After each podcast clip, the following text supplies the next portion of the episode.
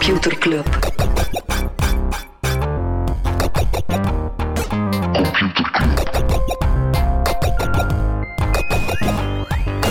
Computer Club. Hey Smolly, Hey Freddy, welkom, welkom terug. welkom. Welkom bij Computer Club, een wekelijkse podcast over technologie. Iedere aflevering selecteren Freddy en ik een interessant artikel en presenteren we een feitje. Ja, en eh, er is ook non-nieuws. Hè. Er is altijd wel wat non-nieuws. al- altijd non-nieuws. Zoals? Eh, wel, Twitter die hadden al gezegd dat ze ook harder gingen optreden tegenover eh, desinformatie. Mhm. En nu hebben ze een eh, manipulated tag gezet op een eh, vervalste Joe Biden-video. Ehm, die, die video had iemand eigenlijk verknipt, zodat er kwam: we, we can only re-elect Donald Trump. En die video was getweet door... En wel, waarom is dat opmerkelijk? Ah ja, die video is natuurlijk geretweet door Trump himself. Dus Twitter heeft daar nu het label manipulated opgezet. Hij had trouwens vorige keer gezegd dat hij een voorspelling gedaan dat Jack weet Dorsey... Ik weet dat niet, dat Twitter niet toesmal. Ja, maar hij had gezegd dat hij weg zou gaan, dat is niet waar. Ja, waarom? Ja. Ja. ik bedoel, waarom had ik gezegd dat hij ging weggaan? Ja, omdat een activistische investeerder kwam en die zei, eh, we gaan hier de boel even wat opschudden. Jack die waren niet blij met het CEO-schap van, eh, van Jack Dorsey, maar ze zijn tot een... conclusie gekomen. En de conclusie is, Jack moet aandelen van Twitter inkopen. Ja, dat doen bedrijven vaak zo eigen aandelen inkopen en dat dan vernietigen, zodat er minder aandeelhouders zijn, dat er minder Voilà. dividend is toch wel een grapje van gaat. 2 miljard. Ik vind dat niet slecht voor een voorspelling van, eh, van mij ongedaan te maken. Ja. Ja, nee, ik heb ook eens een voorspelling geprobeerd. Het is gefaald. Ander non-nieuws, Grindr is verkocht. En waarom is dat opmerkelijk? Grindr, de Tinders voor niet-heteroseksueel, alright, dat is toch een beetje de insteek, Ehm, die is verkocht en dat was opmerkelijk, want die was in Chinese handen. Ik wist dat niet, maar Grindr was in Chinese handen. De Amerikaanse overheid die vond dat dat niet kon en eh, ze hebben het moeten verkopen. En ze hebben wel, ja, die hebben dat vier jaar geleden gekocht voor 93 miljoen en nu verkocht voor 608 miljoen. Dat is ferme cash. verkeerd. Ik vind dat nog niet zo heel veel, eigenlijk. 608 Voor het miljoen. feit dat Grindr toch wel... Ja, eh, specifieke doelgroep. Het is minder groot dan Tinder. misschien ook met iets minder... Alhoewel, dat, ik ging zeggen iets minder een brand, maar ik denk in, eh, in die scene dat dat ook wel een eh, Tuurlijk. bekend, bekend concept zal zijn. Freddy, wat hebben we nog van non-nieuwtjes? Non-nieuwtjes. Nieuws over supercomputers. Oké. Eh, en dan eh, niet zozeer quantumcomputers, maar gewoon de klassieke supercomputer. Eh, de, de klassieke de supercomputer. klas- klassieke supercomputer. HPE, dus HP Enterprise en AMD van de chips, die gaan samenwerken ehm, om voor de Amerikaanse overheid de El Capitan supercomputer te maken. En wat is de ambitie? Die gaat ehm, twee exaflops snel zijn. Wauw. Eh, en dat, Dat heet exascale computing. Dat is een, al heel lang een ambitie. Dus daar, er is nu zo'n beetje een, een wedloopmachine. Eh, en wat is een, exa, eh, een exaflop? Dat betekent 1 miljard berekeningen per seconde kunnen doen. Sorry Freddy, maar een hexaflop is meer dan een miljard. Veel meer. Meer bepaald. Een miljard keer een miljard. Dommerik. En dus die computer die ze nu willen bouwen, die kan er 2 miljard per seconde. En dat gaat... eh, dus de, dat is het derde systeem dat de VS aan het bouwen is. En, maar dat is waarschijnlijk altijd niets vergelijken met een quantumcomputer. Dus inderdaad, hè, dat is niks vergeleken met de quantumcomputer. Maar om een idee te geven, dat is wel eh, sneller dan de 150 snelste huidige supercomputers samen. Oké, veel succes. Ook niet verkeerd. Veel succes. Eh, maar in die wet- wedloop wordt er afgevraagd, het is niet zozeer wie kan de snelste computer bouwen, maar wie zal ook het best software kunnen schrijven ervoor. Mhm. Weet je dat ook supersnel verdwijnt? Bam! Oh, yes. De stories van HLN en Twitter. Die hebben eh, stories geïntroduceerd. Zo van die berichtjes die 24 uur bestaan. Van Twitter, van Twitter had ik al gezien. Van Twitter noemen we het fleets. Ja, dat zijn dus tweets die... Fleeting, fleeting tweets. Ja, maar dat is eigenlijk gewoon het concept van Twitter sowieso. Is die laat een brain fart en dan is meteen weer weg. Maar eh, ja, dus tweets die niet geretweet kunnen worden, die echt gewoon de bedoeling zijn van die kunnen verdwijnen, dat zijn die fleets, Ja, dus inderdaad de bedoeling dat niet alles wat je ooit op Twitter gezet hebt, er voor altijd blijft opstaan. Wat ik HLN? snap, wat ik snap, ze, want even serieus. Stel nu dat je ooit Maar ja, in politiek of zo, je gaat toch altijd... Ja, in mijn geval sowieso. Als je lang genoeg blijft zoeken, dan zal er wat dirt te Ik vinden denk zijn. dat we mij zelf niet lang moeten zoeken, maar... We hebben eh, aan die andere eh, stories, die zijn met HLN in de HLN-app. Komen er ook van die cirkeltjes met dan zo verhalen die visueel worden eh, gesimplificeerd. Allee, voor zover je een HLN-artikel nog simpeler kan maken, maken ze het eh, in die stories. Nice. Tof, Freddy, wat heb jij nog van non-nieuws? Ehm, nieuws over Amazon Go. Dat is eh, de kassaloze eh, Hm, winkel? winkel van, van Amazon. Eh, gewoon binnenstappen en buitenstappen. Zeer opmerkelijk, ehm, de technologie erachter, de Just Walk Out Technology, die komt nu op AWS. Allee, of AWS, Amazon gaat die nu ook aan andere winkels verkopen. Oké. Eh, opmerkelijk, omdat het eh, enerzijds past dat perfect bij die Amazon-visie van wat ze bijvoorbeeld met AWS doen, is hun eigen technologie Ja. met zeer veel succes ook eh, beschikbaar maken. Ehm, opmerkelijk, want eh, ja, het feit als je een winkel kan bouwen, hoogtechnologisch, zonder kassa's, is dat wel een serieus competitief voordeel. Ehm, wat ze hiermee weggeven. Wat raar is, want ze hebben wel degelijk ook eigen supermarkten met Whole Ja, Foods en zo. zal waarschijnlijk licentie mogen betalen die peperduur. Ja, maar het is, Of- het is opmerkelijk dat je een competitief, Ja, iets, ja. iets wat je echt eh, als, Mhm. als differentiatie hebt, dat je dat dan ook gewoon aan maar licensing verkoopt. Dat is waar. Hallo? Ik ben benieuwd ook wat er ooit een Belgische supermarkt... eh, KBC, nee, was? De Leize heeft ooit KBC zo'n onderzoek gedaan, toch? KBC check-in, I don't know. Volgens mij heeft KBC ooit onderzocht hoe dat, dat cashloos betalen eh, werkt. Ik ben aan het denken dat dat op onze portfolio staat. op onze website. Oké, dan, dan is het een ding. Het mag. Ik Dan weet wel is dat het er een ding. Ik zat hier eh, zo van... Oh, oh, nee, nee, daar zat geen NDA op. Dat staat op onze eh, website. maar het moet wel zeggen, het was nog niet zo technologisch geavanceerd als Amazon Go. Ja. Voodoo, voodoo, dat Amazon is is trouwens geland in Nederland. Oh, Segway. Ja, dat is waar. Oké, dat was het nieuws. Oké, ik heb nog eentje. We hebben het eh, al gehad over Zoom en de aan. Ik ga niet elke week dat Zoom Ja, ja. feitje herhalen. Ah ja, ik weet er eens. Ehm, de, ja, je weet het, hè, de CEO van Zoom is een mooi voorbeeld van practice what you preach. Eh, want nog voor corona eh, kwam uit een interview met, met die CEO en die reist ook maar twee keer per jaar voor zijn werk. Dus die is ook gewoon een believer in zijn... dat net zei, corona. Toen dacht ik, amai, er gaan sowieso Marinaan en de kind in plaats van Marina gewoon corona noemen. ongetwijfeld. Binnen negen maanden een babyboom aan corona's. Ik vind dat we het nu ik vind dat we het met de nodige serieus moeten eh, behandelen. Het is gewoon het begin van de zombie-apocalyps. Ja. Ik corona en Diano zijn aan boord van deze Ford K. I don't know, ik weet niet welke Ford staat erop staan. Freddy, over naar het echte nieuws. Wel, het echte nieuws. Ik had hier eh, bij mezelf, ik las even mijn eigen titel, Mark zijn broekje opendoen. Maar het is Mark zijn boekje opendoen. Wie is Mark? Mark Zuckerberg. Ehm, nee, een artikel van Wired, eh, dat gaat eh, van Steven Levy, zo'n legendarische techjournalist, eh, heel, wat, heel wat connecties. En die heeft nu een boek uit, hoe dat er bij Facebook aan toe gaat. Hij heeft drie jaar bij Facebook meegevolgd, onder andere tien keer Zuckerberg kunnen interviewen. Dus ehm, ja, de kritiek is wel dat niet, eh, niet, niet genoeg durft de vinger op de wonden leggen. Het is eh, niet, niet hard genoeg benoemen. Ja, zo'n halve PR. eh, En net omdat hij die toegang had, Ja. kan hij misschien er ook niet hard op inbeuken. Nu, dat artikel dat gaat eigenlijk over de jonge jaren van Zuckerberg, met een centrale rol voor zijn notitieboekje. echt Dus vandaar zijn boekje open doen. Oké, Ja, dus ehm, waarom is dat boekje interessant? Ehm, Zuckerberg staat erom bekend dat hij heel gesloten is. Dus ook een heel moeilijk persoon je om... zou kunnen zeggen dat hij een gesloten boek is. Nice. Nice, amai jong, ik veel kansen laten liggen met mijn stuk.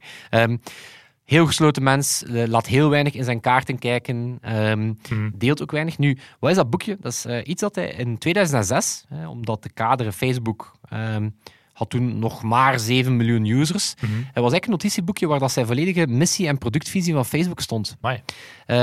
Heeft hij intussen vernietigd. Ehm, Het boekje. Of ja. die visie. Nee, die visie is ook al kapot. Nee, dus dat boekje heeft hij vernietigd. Ehm, omdat ja, hij was daar eigenlijk behoorlijk open. En het leert ons ook wel een en ander over eh, hoe, Hoe dat hij Zuckerberg dat denkt. boekje te pakken gekregen? Wel. Ehm, dus hij heeft dat vernietigd, net zoals dat hij ook zijn oude instant messages ooit vernietigd heeft, omdat hij Hm. toen wel besefte van, dit kan nog wel eens terugkeren. En dus hij was bang van, eh, terecht, dat hem dat wel eens zou kunnen achtervolgen. Ehm, maar wat deed hij met die, met die boekjes? Dus hij, hij- hij- ja, laat ons eerlijk zijn, Zuckerberg ehm, heeft Sheryl Sandberg om alles operationele te regelen. Mhm. En Zuckerberg is dan de, de product guy. Dus wat deed hij toen? Hij schetste toen allerlei nieuwe ideeën uit. En soms maakte hij daar kopieën van, die hij dan op de bureau legde van developers en Ja. designers. Ehm, en zo zijn er toch een aantal van die pagina's blijven ontstaan. En dat boekje heet ook The Book of Change. Amai. Er stond ook een, eh, een scheve Mahatma Gandhi quote.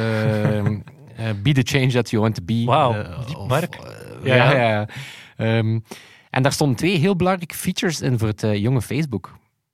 Zijn Wat, er? wat zijn de features die Facebook Op dat moment van die schaal van 7 miljoen naar... open. Ja, En het lijkt alsof dat weer zo wat die... persoonlijk? Nee. Delen? Oké. Nee, vertel. De feed. De Dus ja. Twee features die daarin stonden. ehm, de open registration en de newsfeed. Eh, dus open registration, omdat de kaderen, misschien zijn er een aantal mensen die dat zelf niet meer helemaal bewust meegemaakt hebben, maar in het begin was Facebook enkel voor studenten. was Ja, ja. enkel voor... Je moest een mailadres hebben van een universiteit. Van de, ja, dus dat was, hè, dat was, eh, hoe kunnen we dat openstellen voor niet-studenten? Maar, maakt, maar merkte Zuckerberg dan op, ja, zie je dan eh, iedereen in je regio, zie je dan enkel vrienden van vrienden in je regio. Ehm, hij, hij wou eigenlijk dat je meteen iedereen kon zien, maar hij besefte ook van, Ja, dat gaat- telefoonboek. Dan weet je niet waar te beginnen, inderdaad. voilà. Ehm, en om wat te zeggen, het is daar dat je al heel goed leert dat hij wel al doorhad dat hij, dat hij met een, eh, een dunne privacykoord, op een dunne Mhm. privacykoord aan het lopen was.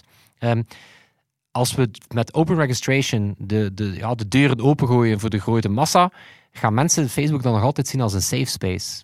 Dus was daar toen al mee bezig, maar het, komt nog, het wordt, wordt nog pittiger. Hè. Eh, tweede grote innovatie was dan de newsfeed. Eh, ook, misschien mensen die, die, die die tijden ook niet meer echt meegemaakt hebben. Vroeger moest je naar mensen een profiel surfen. Hè. Mhm. Dat was in het begin. Ja, ja. En je, moest ook, je had ook geen privéberichten. Hè. Je moest, als je een bericht wilde sturen, dan post je dat op de wall van Voilà. die persoon. en Iedereen Voilà. kon dat zien. Eh, dus toen eh, zei hij, oké, om dat engagement te stimuleren, eh, ja, we gaan het opengooien. Daar kwam immens veel protest op. Eh, er waren toen honderdduizenden mensen, maar ja, op een userbase van ja. een aantal miljoen is dat basically Iedereen. iedereen. Ehm, omdat iedereen had letterlijk het gevoel van, ja, eh, mijn persoonlijk leven komt hier, eh, komt hier in de gazet. Mhm.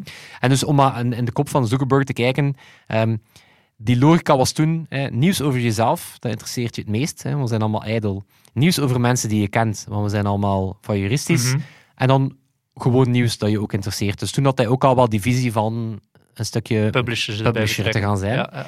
Ehm, maar hier komt hij. Oh, was dat was stond er Boyd ook in? Dark Profiles? Toen al. Toen al. Hè, wat opmerkelijk is, want wat, heeft hij, wat hebben ze altijd ontkend Ja, dat in dat de hearings? bestaat. Hè. Voilà. Bestaat wel. En Mark Zuckerberg schrijft daarop: It's fun and kind of crazy. Ja, het is knettergek. En voilà. Wat valt er toen op? Wat valt er toen op? Eh, laksheid rond privacy. Mhm. Het ging meer over de perceptie van privacy dan over echte privacy. En hier komt hij, dit, vond ik een, dit, dit, dit is een zin die alles samenvat. Dus over die features vraagt hij zich af: What makes this seem secure, whether or not it actually is? Dus hij was meer bezig met Ja, hoe ja. kunnen we het private laten lijken. laten lijken dan, dan het echt zijn. Ehm, en ook het eh, move fast and break things. Mhm. Dus wat heeft hij onder andere gedaan nadat, ehm na dat newsfeed debakkelen? Want hij had er toen ook meteen alle sharing op eh, public gezet. Ja, ja. Hè, dus laten we zeggen, kom alles om maar eh, met zoveel mogelijk mensen te delen. Wat hebben ze toen gedaan? Ze hebben toen achteraf ehm, een paar changes gemaakt. Hij heeft ook sorry gezegd. Dat heeft hij heel veel gezegd. Ja, voilà. En, en, en, en het is daar... ehm, het is daar dat je, eh, dat je wel het patroon ziet. Want daar heeft hij toen eigenlijk geleerd van ja, laten we eerst shit proberen. Mhm. En wat ik op, opmerkelijk vind, in zijn laatste interview met Levy, zegt hij nog altijd, dus na de schandalen zegt hij, if you're not, going, if you're not making mistakes, you're probably not living up to your potential, right? Wat ik wel getuigend vind. En dan zegt hij ook, pas op, dus hij zegt wel van ja, het moment dat je, eh, dat je platform gebruikt wordt om genocides eh, Mhm. te gaan doen, dan stel je je wel ernstig vragen.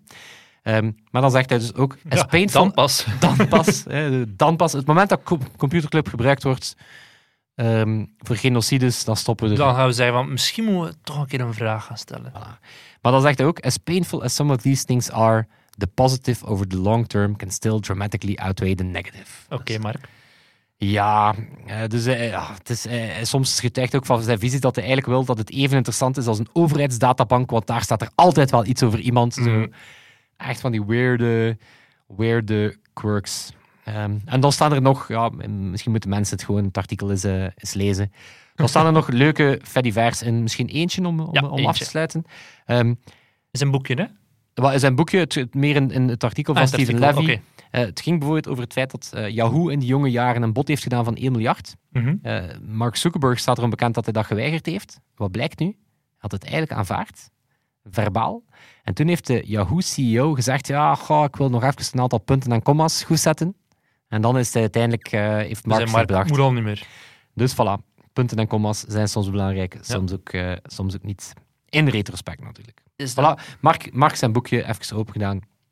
Mag weer dicht. Mag weer dicht. Freddy, mag ik een jingle? Ik zal even de jingle laden open, eh, open doen. Computerklas.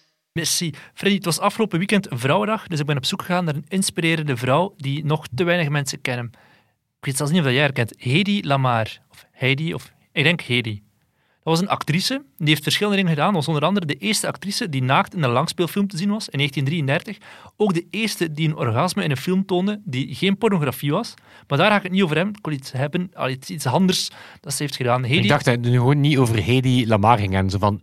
Maar over haar wil ik ja, niet ja, hebben. nee, eh, nee, los daarvan. nee, ja, Heidi, dat, was, dat heeft ze gedaan. Maar daarnaast is ze ook zes keer getrouwd, waaronder met een wapenhandelaar. En samen hebben ze een methode gemaakt voor radiocommunicatie. En die werkt met behulp van frequentieverspringing.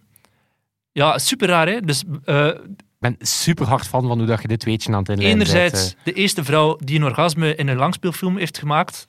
Tweede, andere kant, haar ander leven, uitvinster, ehm, met frequentieverspringing, ervoor gezorgd dat radiocommunicatie niet kan verstoord worden van buitenaf. Samen met haar vent. Ze hebben dat nog een beetje uitgewerkt tot een systeem om torpedo's mee af te vuren. Ze hebben daar een patent op gepakt, maar de Amerikaanse marine is in het begin, ja, sorry, wij werken niet met patenten van externe mensen, we gaan er niets mee doen. Totdat ze een paar jaar later dat toch hebben gebruikt voor een... eh, zij heeft dat het Secret Communications System genoemd. Super random. Moest ik ooit een eh, geheim communicatiesysteem bedenken, dan noem ik het ook gewoon zo. Hoe noemde het? Secret Communications System.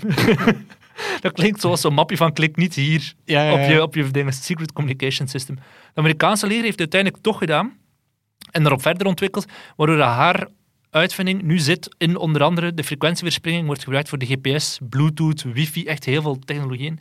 En ieder jaar wordt op 9 november de dag van de uitvinders georganiseerd op de geboortedag van die Hedy Lamar, als eerbetoon aan haar. Wat een leven. Echt zo. hè? Orgasmes, Van, van de eerste vrouw die in de film was tot een topuitvinster. Bluetooth. Zes keer getrouwd ook. Wat een vrouw, echt. Maar haar leven wordt verfilmd, zag ik. Dus binnenkort gaat hij echt zo'n nog bekender zijn. Of Voilà. bekender dan dat ze nu op dit moment is. Misschien zijn er wel nog, nog ik was zeg, misschien zijn er wel nog sterke vrouwen. Er zijn mega veel sterke vrouwen. Maar ik kan zeggen, misschien kunnen luisteraars van Computerclub wel hun favoriete Ja, ja. sterk wijf even eh, posten. En liefst ja. zo nog de voorbij, de, de Ada Lovelaces en de Margaret Atwoods. Ja, of de Grace Hoppers. Ja, die. Maar er zijn, er zijn ook nog verder. Ingrid Dobeshi hebben we natuurlijk ook al een keer genoemd. Voilà. in De podcast. Wij zijn fan. Wij zijn fan. Oké, Smolly. Ik heb ook Nu een ben, ik, artikel eh, gelezen. ja, nu ben ik zeer benieuwd. eh, na, na torpedo's, Ja, wapenhandel. Hoe overtref ik dit nog? Ik heb een En heleboel artikels gelezen in het weekend, maar het is allemaal met dezelfde man. Peter Hinsen, die was dit weekend ik in dacht elke even dat jij artikels had gelezen. over. Ah, Gewoon met dezelfde man. Ah, met Ah, dat je- dat je- dat je ja, die zat naast mij. Monogaam leest. Ja, ja. Mooi. Ik lees alleen met Peter naast mij.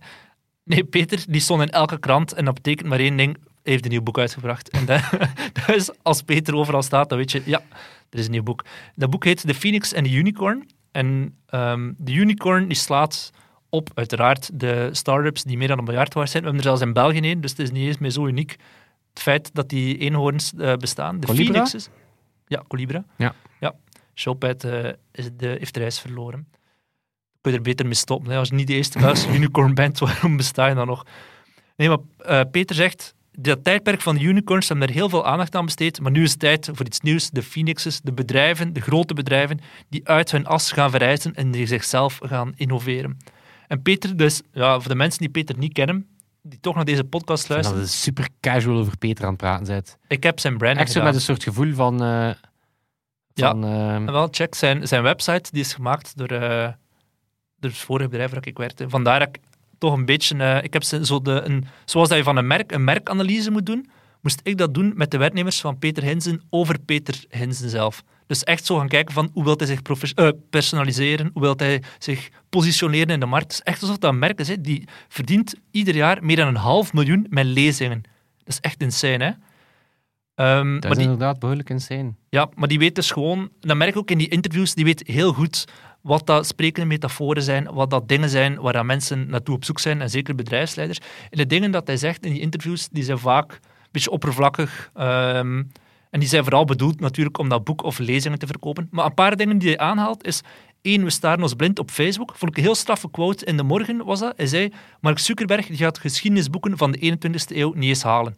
Dat was de quote die ik inderdaad zag. eh, Ja, ja, ja. Dus wat hij zegt is, we focussen te veel op ehm, techbedrijven die met communicatie bezig zijn, Facebook, Twitter en zo. Want de echte disruptie die zit in foodtech, medtech, eh, biotech, al dat soort dingen uiteraard. Ja, het is niet...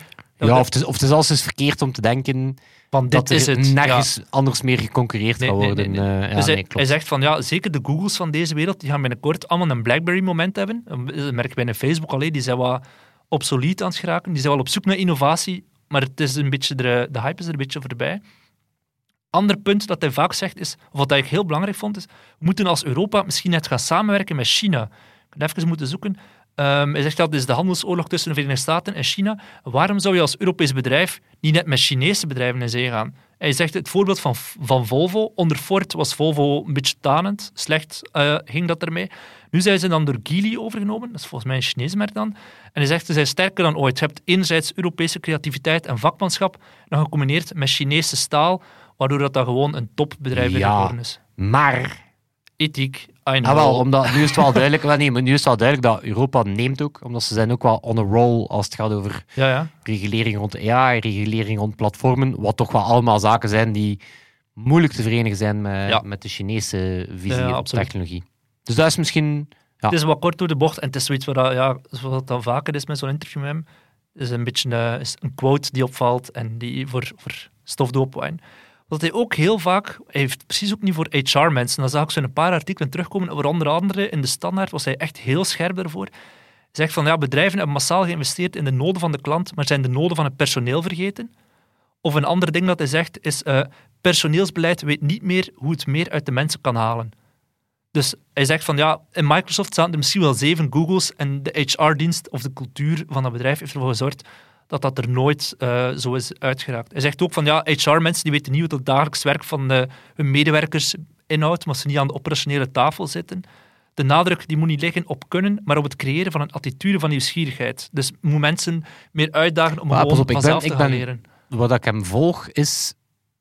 Ik denk dat cultuur Mhm. Ik denk, denk wat, wat, wat- wat mij opvalt bij bedrijven die nu succesvol digitaal aan het knallen zijn, is één, een sterke visie op wat ze willen betekenen voor hun klanten. Ja. En die visie is dan ook los genoeg, waardoor dat ze zich heel flexibel kunnen opstellen. En dan een cultuur van inderdaad gretigheid, cultuur van, Ja, ja. Van, van, van mensen die dingen durven doen. Maar om nu te zeggen dat ik daarmee alle HR-mensen onder de bus zou gooien, Nee. dat vind ik nu zo'n... Ja, dat vind ik... eh, Peter door een boek aan het schrijven over, eh, over unicorns en phoenixen. Ik weet nu niet of dat, Ja. of dat het HR-beleid van, het- van de gemiddelde corporate hier eh, ja, ja. de grote focus moet zijn. Maar, wat dat hij in Forbes ooit heeft gezegd is, die cultuur, dat kun je doen door, ja, door dat, hoe ruikt een werkplek. Dat is wat op flessen getrokken. Hij zegt, een negatief voorbeeld van een, van een plek zou zijn Calcutta, de Indiaanse stad, in de zomer, waar je echt gewoon platgeslagen wordt door de hitte, je hebt gewoon geen zin meer om te gaan werken. Hij zegt, wat dat, hoe dat je zo'n Calcutta kan herkennen, is eh, werknemers voelen zich gevangen door de organisatie. Eh, het gaat vooral rond plannen, regels en vooropgestelde budgetten. Eh, het baas en management en infrastructuur is er vooral om mensen te controleren. En de job, mensen voelen dat vooral als een contractuele verplichting. Ze hebben niet echt een band ermee. Het andere spectrum, naast Calcutta, is Fontainebleau. De, het bos waarvan dat je zou zeggen van ik ga hier even een rustige wandeling doen, maar ruikt daar zodanig fris dat je gewoon be- beginnen joggen. Je hebt gewoon zin om daar te gaan lopen, omdat het er zodanig tof is. Zeg van ja, plekken die gaan Fontainebleau zijn, joggen als het net geregend heeft. Ja, Dat de perfect. zuurstof gewoon in de lucht hangt. ja, zo ruikt een goede werkplek. En dat kan je merken aan, je wordt uitgedaagd om meer te doen in plaats van minder. Daarmee dat wij ook, dat wij, dat wij ook een emmer water en mensen in hun gezicht gooien als ze hier 's ochtends toekomen. Tuurlijk, ook dat klanten en zo, enkel zuurstof. Bezoekers, natuurlijk. die liever ook hier haten. Eerst een emmer water erover en dan gewoon een ventilator erop. Ja. Optimaal, optimaal. eh. Eh, wel hoog ziekteverzuim. En Wel hoog ziekteverzuim. Ja. Ik weet niet hoe dat komt. Nee, ja, je wordt dus uitgedaagd om meer te doen in plaats van minder. Je bent zelfsturend, je leiders kunnen je ondersteunen en er is een systeem van vertrouwen. Dat zijn de, de Fontainebleau bedrijven. En hij zegt van ja, een voorbeeld dat hij echt grote fan van is, is Walmart. Walmart is voor hem zo het voorbeeld van een Phoenix, een bedrijf dat heel log was, maar dat zichzelf aan het eh, heruitvinden is. Omdat die bijvoorbeeld heel veel bezig zijn met die delivery checkpoints in de winkel en met de levering aan huis, beetje zoals Amazon is, zo dat ringsysteem. Ja, maar je hebt, zo, je hebt zo, eh, ook interessante voorbeelden van, van, ehm, van dat soort spelers die op een gegeven moment wel beseffen van wat hebben wij dat die digital-only spelers niet hebben. En inderdaad zeggen van kijk, we hebben eigenlijk al een heel uitgewerkt logistiek systeem. Het vertrouwen We hebben heel veel nabij locaties. Ja, ja, ja. eh, dan, dan dat inderdaad uitspelen om te zeggen van oké, wat als we gewoon een nieuw soort speler... Eh, nieuw soort KBC noemt hij ook vaak als Belgische Phoenix. En dat, is ook wel, dat zou wel steken. Die hebben inderdaad dat vertrouwen als bank. Ze hebben heel veel data van mensen. Dat zien we ook in die KBC Mobile. Wordt echt gebruikt om nog meer data te gaan verzamelen. Dus dat is voor hem ook zo'n bedrijf. Een Ja, maar dat is, bedrijf vind, dat zichzelf dat vind ik ook zo'n een voorbeeld van een bedrijf hè, waar ik inderdaad zeg, visie. En dat is inderdaad gewoon een, een duidelijke visie van, kijk, dit is het soort klantennabijheid dat wij, Ja. hè, of het soort klantenontzorging dat wij, dat wij ambiëren, dat stelt ons inderdaad in staat om breder dan enkel financiële Mhm. diensten dingen te kunnen bedenken.